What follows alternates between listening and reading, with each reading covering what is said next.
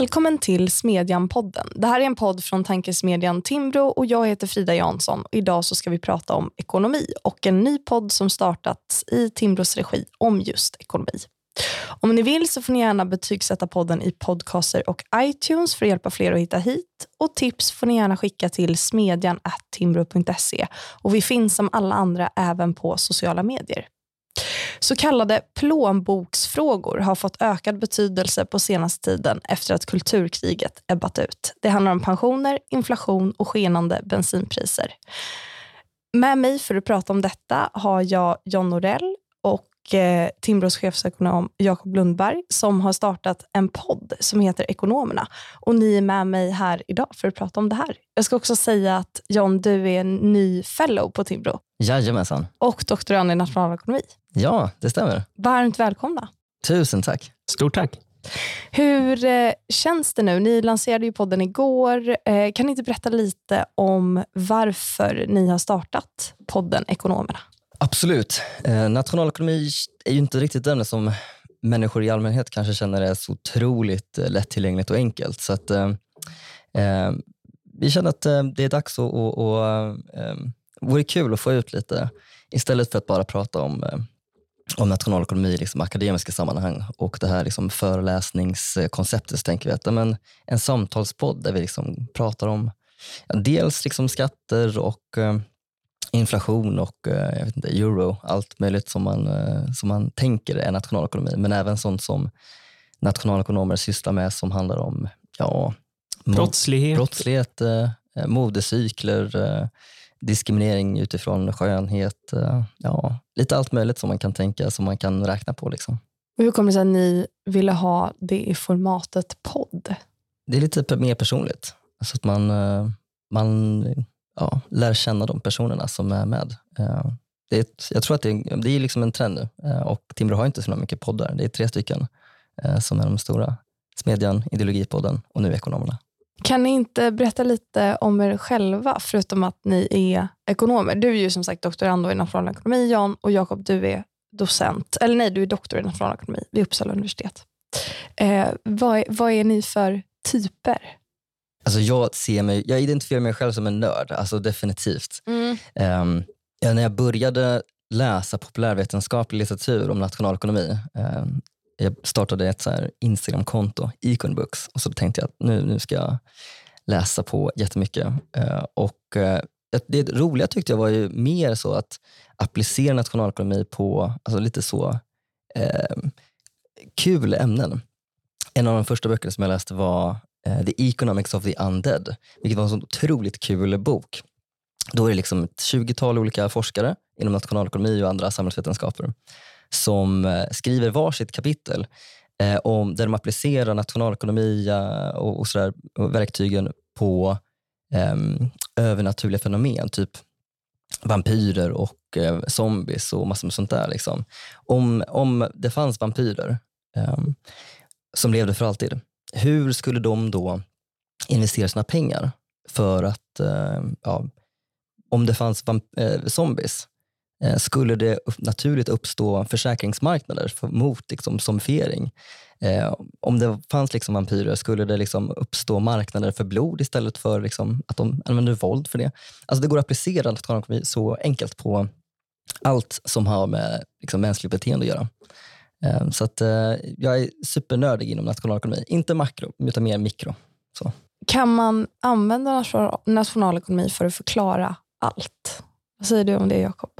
Ja, nästan. Alltså, man brukar prata om nationalekonomisk imperialism. Alltså, andra närliggande fält brukar ju klaga över att nationalekonomi liksom går att erövra. Det som statsvetenskap håller på med, eller historia eller psykologi. Eller, mm. uh, och det, nationalekonomer har ju liksom en, en verktygslåda som är ganska stor. Alltså man kan analysera med teoretiska perspektiv, man kan se hur hur agerar människor i enlighet med incitament? Vad har man för intressen?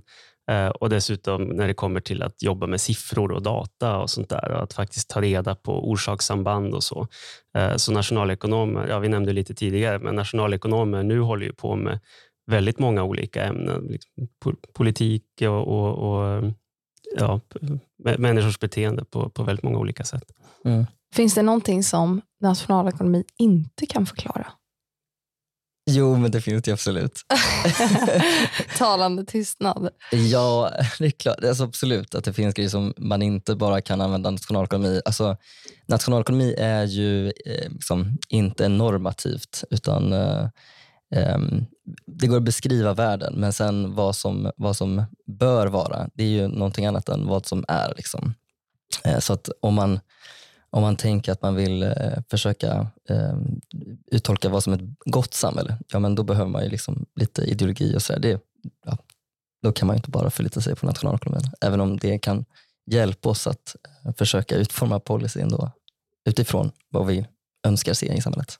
Jag tänker att det finns ju ändå eh, några som har skrivit böcker. Jag tänker på The Economic Man till exempel, eh, av eh, Katrin Marsall eh, som liksom menar att det här uh, nationalekonomiska tänket, ja, men lite som det du är inne på Jakob, att det så äter sig in i, eh, ak i akademin och i all annan teoribildning och att det kanske inte är deskriptivt utan att det är, vad ska man säga, inhyser en viss syn på människan. Eh, vad säger ni om den kritiken? Jag har inte läst just den boken, men jag kan säga... Men det, du känner igen gener? Ja, generellt den kritiken kommer ju ofta från människor som har någon sorts karikatyr av vad nationalekonomi är. De, de förstår inte riktigt vad nationalekonomi är, utan de målar upp en sorts halmgubbe om att nationalekonomer bryr sig bara om pengar och allt handlar bara om liksom, tillväxt och att vi ska vara så, de rika ska få så mycket pengar som möjligt. Eh, och Sen såklart så blir de då jättesura på den här eh, halmgubben och säger nej, nej, människor är inte alls rationella varelser som bara bryr sig om att ha så mycket pengar som möjligt i plånboken. Eh, och det, det stämmer ju inte. Nationalekonomi är ju mycket rikare än så.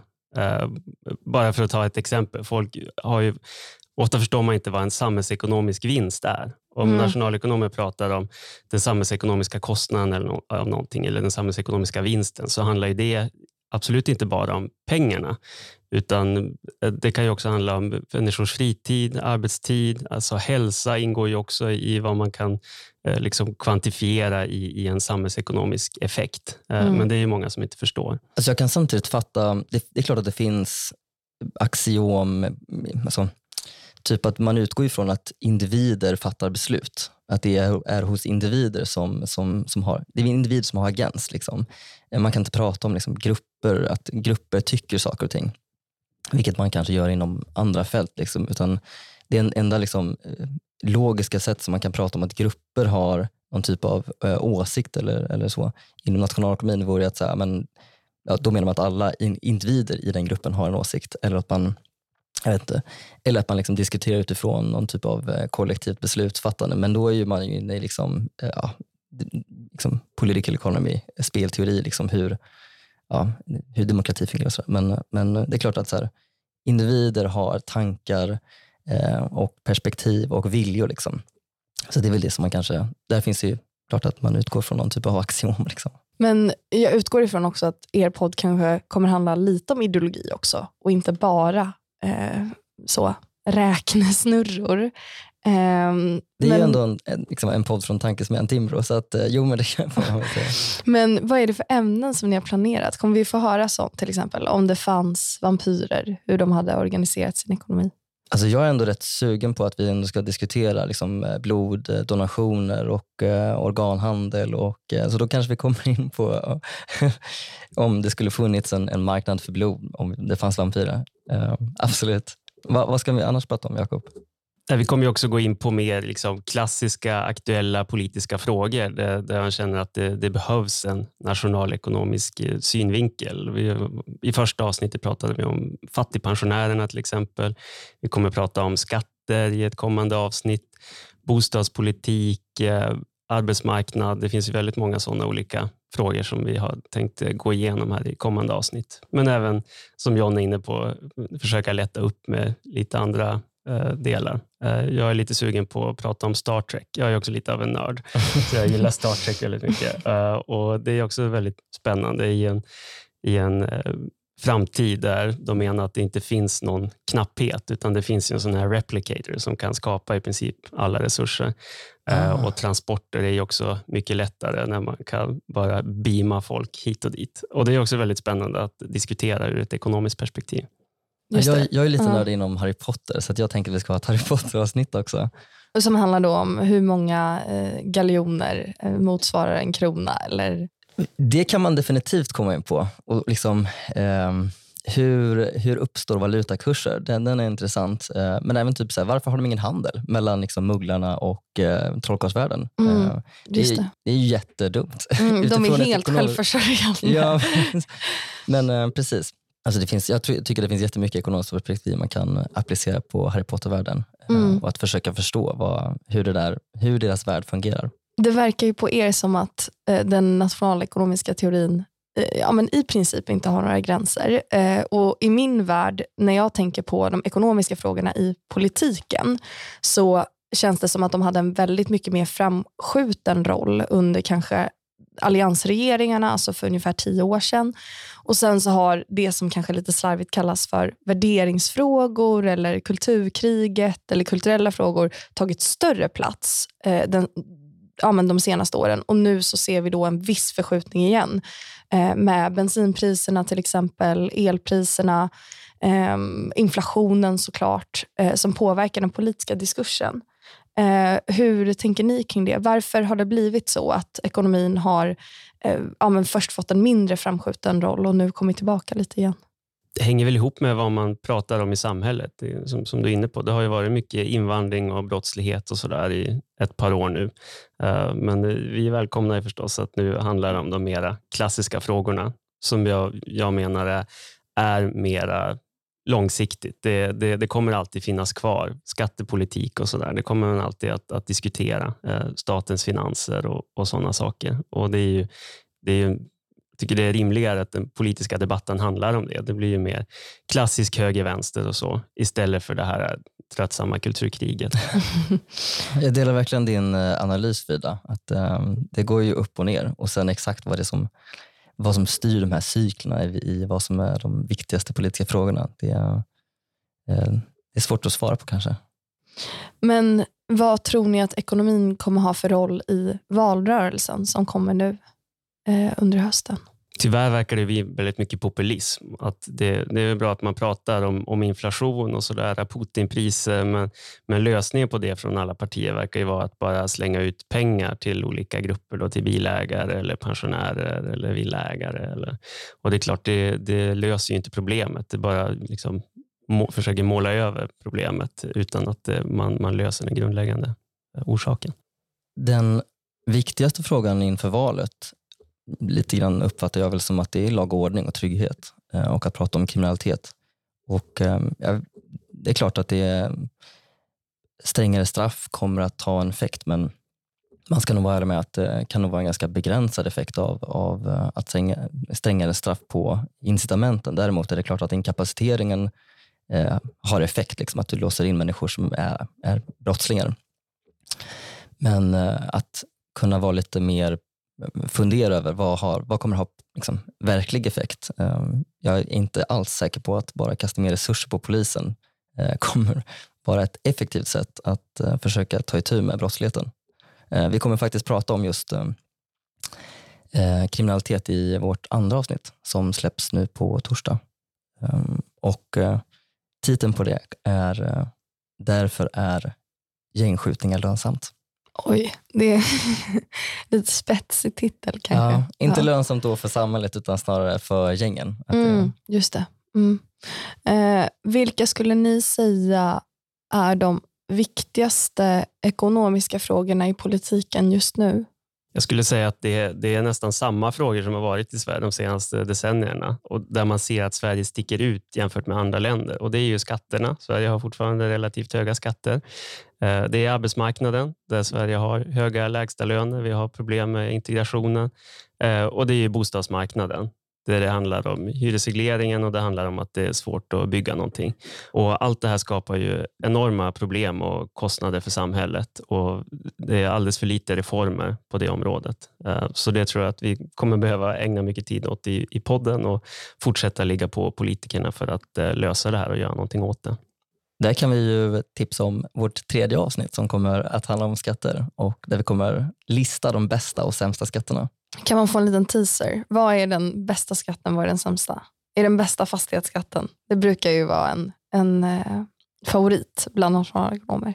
Uh, den bästa, det mesta är ju en klimatskatt. Att uh, uh, folk som smutsar ner ska betala för sig. Vilken är den sämsta, Jakob? Det finns ju ett par kandidater. Jag tror att vi kom fram till förmögenhetsskatten. Att det var en av de, de allra sämsta. Den är ju avskaffad i Sverige, lyckligtvis. Eh, men det var en, en riktigt dålig skatt. Var det inte tullar då? Var inte det ja, sämst? Det, Den kanske är sämst. Jag minns inte vilken vi landade i. Ja. Men det, det, är också, att ha en skatt på utrikeshandel är mm. bara väldigt korkat. Vad är det som gör eh, att en skatt är dålig? Kan ni dra ut några kvalifikationskrav? Det är ju att den, den, påverkar hur folk agerar i hög grad. Alltså, om det inte är i positiv riktning, då, att man släpper ut mindre, då är det en bra skatt. Men ofta så gör ju skatten att man gör mindre av bra saker. Alltså man jobbar mindre, man investerar mindre, man startar mindre företag, sparar mindre. Allt sånt där. Eh, och De allra flesta skatter är ju sådana. Eh, så därför är ju skatter ett, ett nödvändigt ont för att finansiera staten. De frågorna som ni har identifierat som de viktigaste, alltså bostadsmarknaden, eh, skatterna och arbetsmarknaden, eh, de eh, lyser ju fortfarande kanske lite med sin frånvaro i den politiska diskussionen. Hur kommer det sig att det är just pensionsfrågan som har fått så mycket uppmärksamhet nu? Jag skulle säga att det handlar om politiskt i grunden. Pensionärerna är fler eh, och de röstar i hög utsträckning och de har förmodligen blivit mer benägna att byta parti än tidigare. Eh, så att partierna slåss om pensionärerna som väljare helt enkelt. Eh, det är svårt att se något objektivt skäl att ge mer pengar till pensionärerna. Eh, det här pratade vi om i första avsnittet, men pensionärerna har det bättre än någonsin. Fattigpensionärerna är färre än någonsin och förmodligen färre i Sverige än i något annat land. Eh, så att eh, om man tittar rent objektivt i verkligheten så, så är det svårt att se varför pensionerna ska vara en sån stor fråga. Eh, jag tänker också lite på det här temat att man kan applicera ekonomi på allting.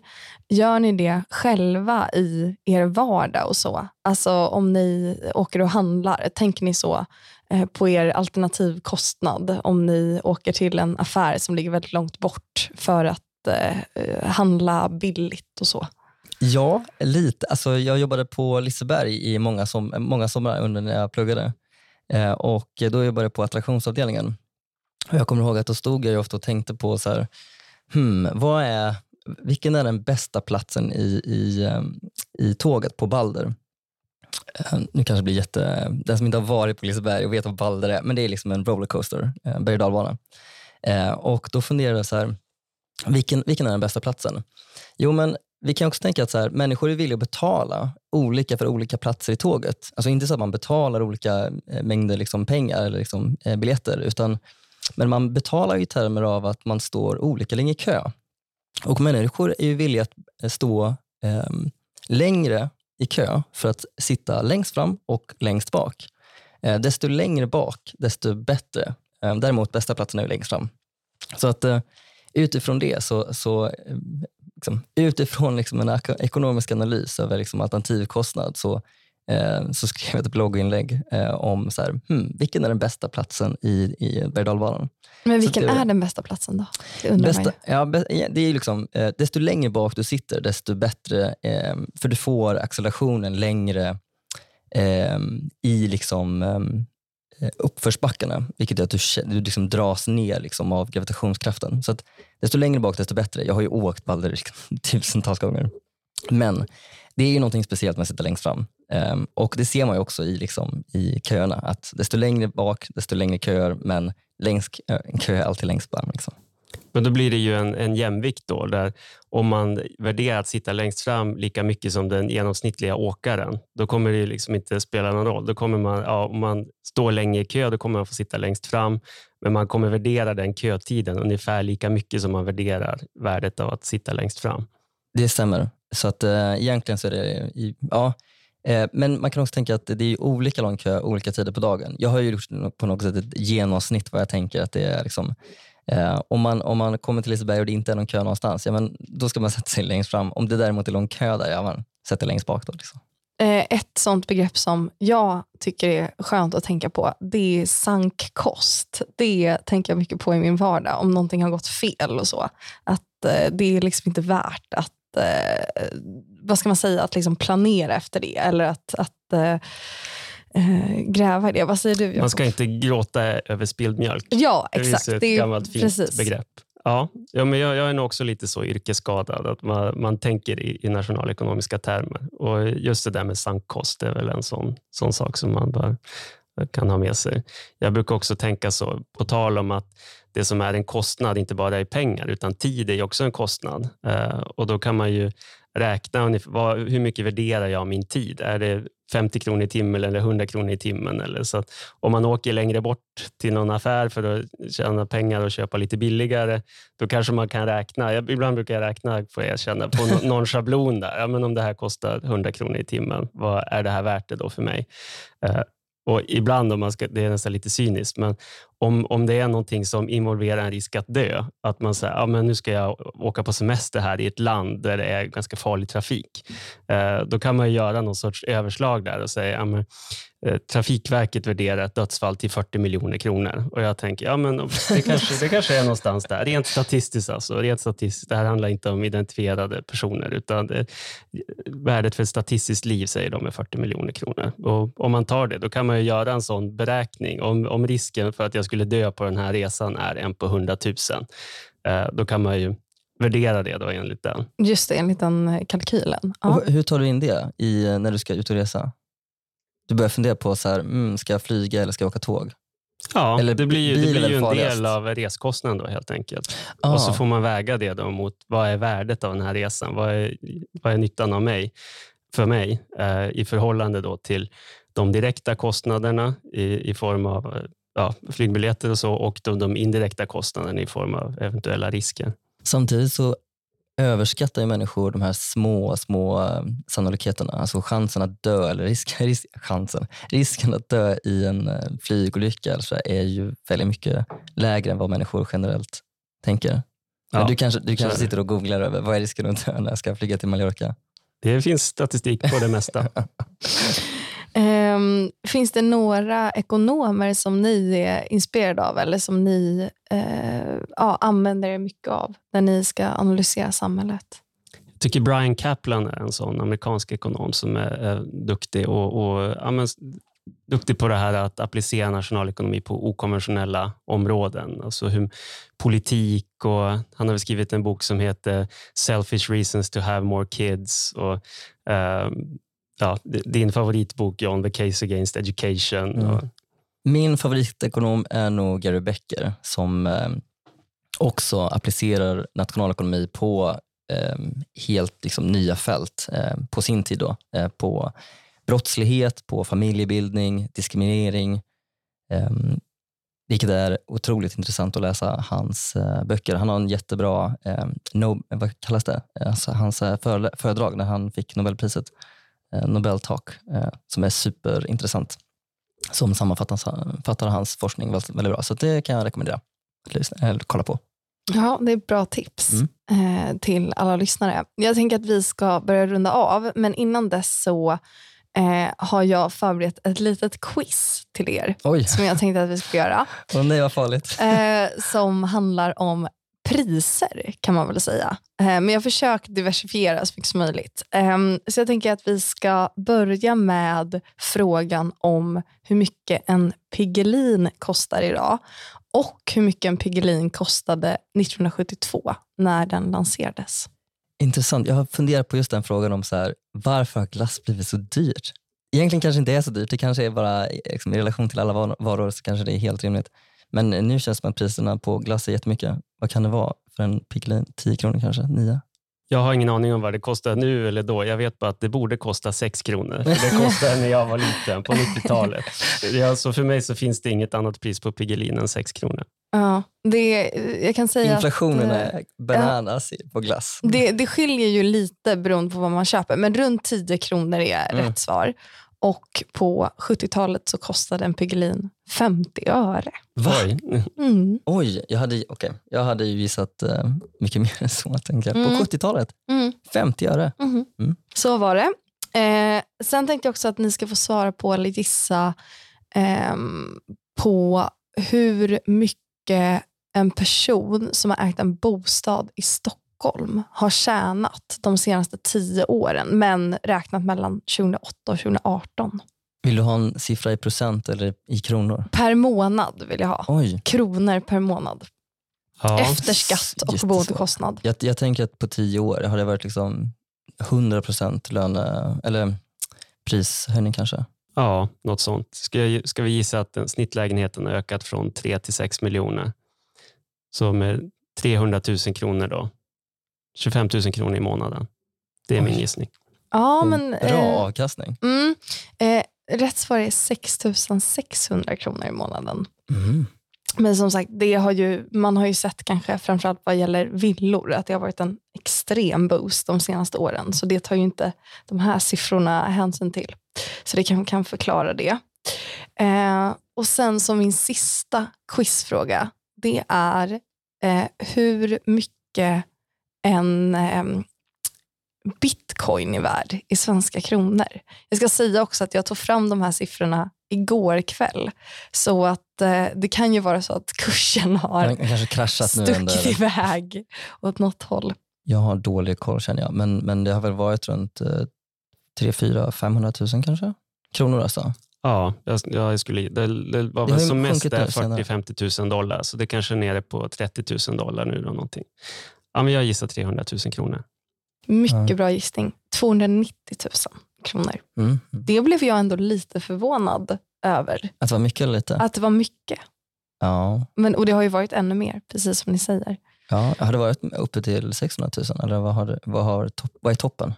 Ja, Men det är väl runt 500 000 tror jag Ja, som har varit när det verkligen eh, Det skulle ha köpt peakade. ja, precis. när den var låg. Ja, För tio år sedan. Exakt. Ja, man, eh, det är ju sällan som man hör att människor använder bitcoin som valuta. Det är ju snarare just det här att man köper och sen så eh, som en investering. Jag var på Så. en konferens nu för några månader sedan eh, och då fanns det såna uttagsautomater, bitcoin-uttagautomater, eh, Libertycon eh, i, i, eh, nu har jag glömt vart det var. Var det i Spanien kanske? I Prag Det var i Prag, jag. Ja. gud jag har jag glömt bort vart jag var någonstans. Eh, Det var två år sedan det var i Madrid. Eh, Men då hade de i alla fall, de, det var väldigt mycket krypto, kryptoboys som, som får köpa och sälja bitcoin. Det här är liksom frihetsrevolutionen för dem. Just det. Men, Vad eh, säger det? Hur tänker ni kring bitcoin från ett ekonomiskt perspektiv? Är ni glada eller negativa? Det är väl lite yrkesskada där också. Jag har aldrig investerat i, i krypto. Jag har en sån perfekt eh, portfölj med olika indexfonder. Helt, helt, helt enligt eh, Eugene Fama och de här andra Nobelpristagarna.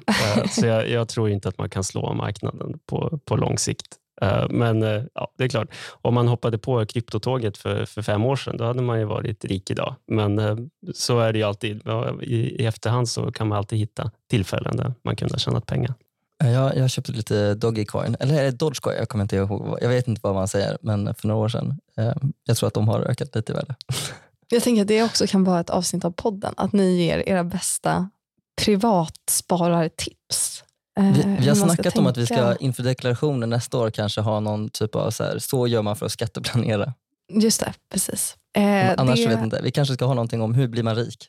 Ja, exakt. Eller liksom vilken, eh, ja, hur ska man sätta ihop sin portfölj, eller alltså sin aktieportfölj om man, eh, om man har en sån. Jag har faktiskt eh, aldrig eh, investerat i aktier och så, så att det Men det känns som att koll. den, marknad, den poddmarknaden är mättad. Det finns hur mycket sådana aktiespararpoddar Mm. som helst. Eller? Jag, jag, jag lyssnar inte så mycket på sådana poddar. Då får man ge det, det tråkiga nationalekonomiska svaret. För det, det är, om man säger att man är ekonom, då frågar man sig, ah, vad tror du om börsen? då? Är det läge att investera nu? Och Då säger man ju alltid att ja, vi, vi, vi vet inte hur börsen kommer gå i framtiden. Har du, börsen brukar gå bra på sikt, men det kan gå upp och det kan gå ner. Just det. Mm. Jag ska tacka er så mycket för att ni var här, Jakob Lundberg och John Norell. Och jag vill tipsa alla er lyssnare om ja, men podden Ekonomerna. Ja, som... lyssna och prenumerera så att man inte missar framtida avsnitt. Precis, lyssna och prenumerera. Och vi... Varje torsdag framöver. Varje torsdag framöver. Och eh, vi hörs ju som vanligt nästa vecka. Och så får ni ha det så bra. Tack så mycket för att ni kom. Tack så mycket. Stort tack.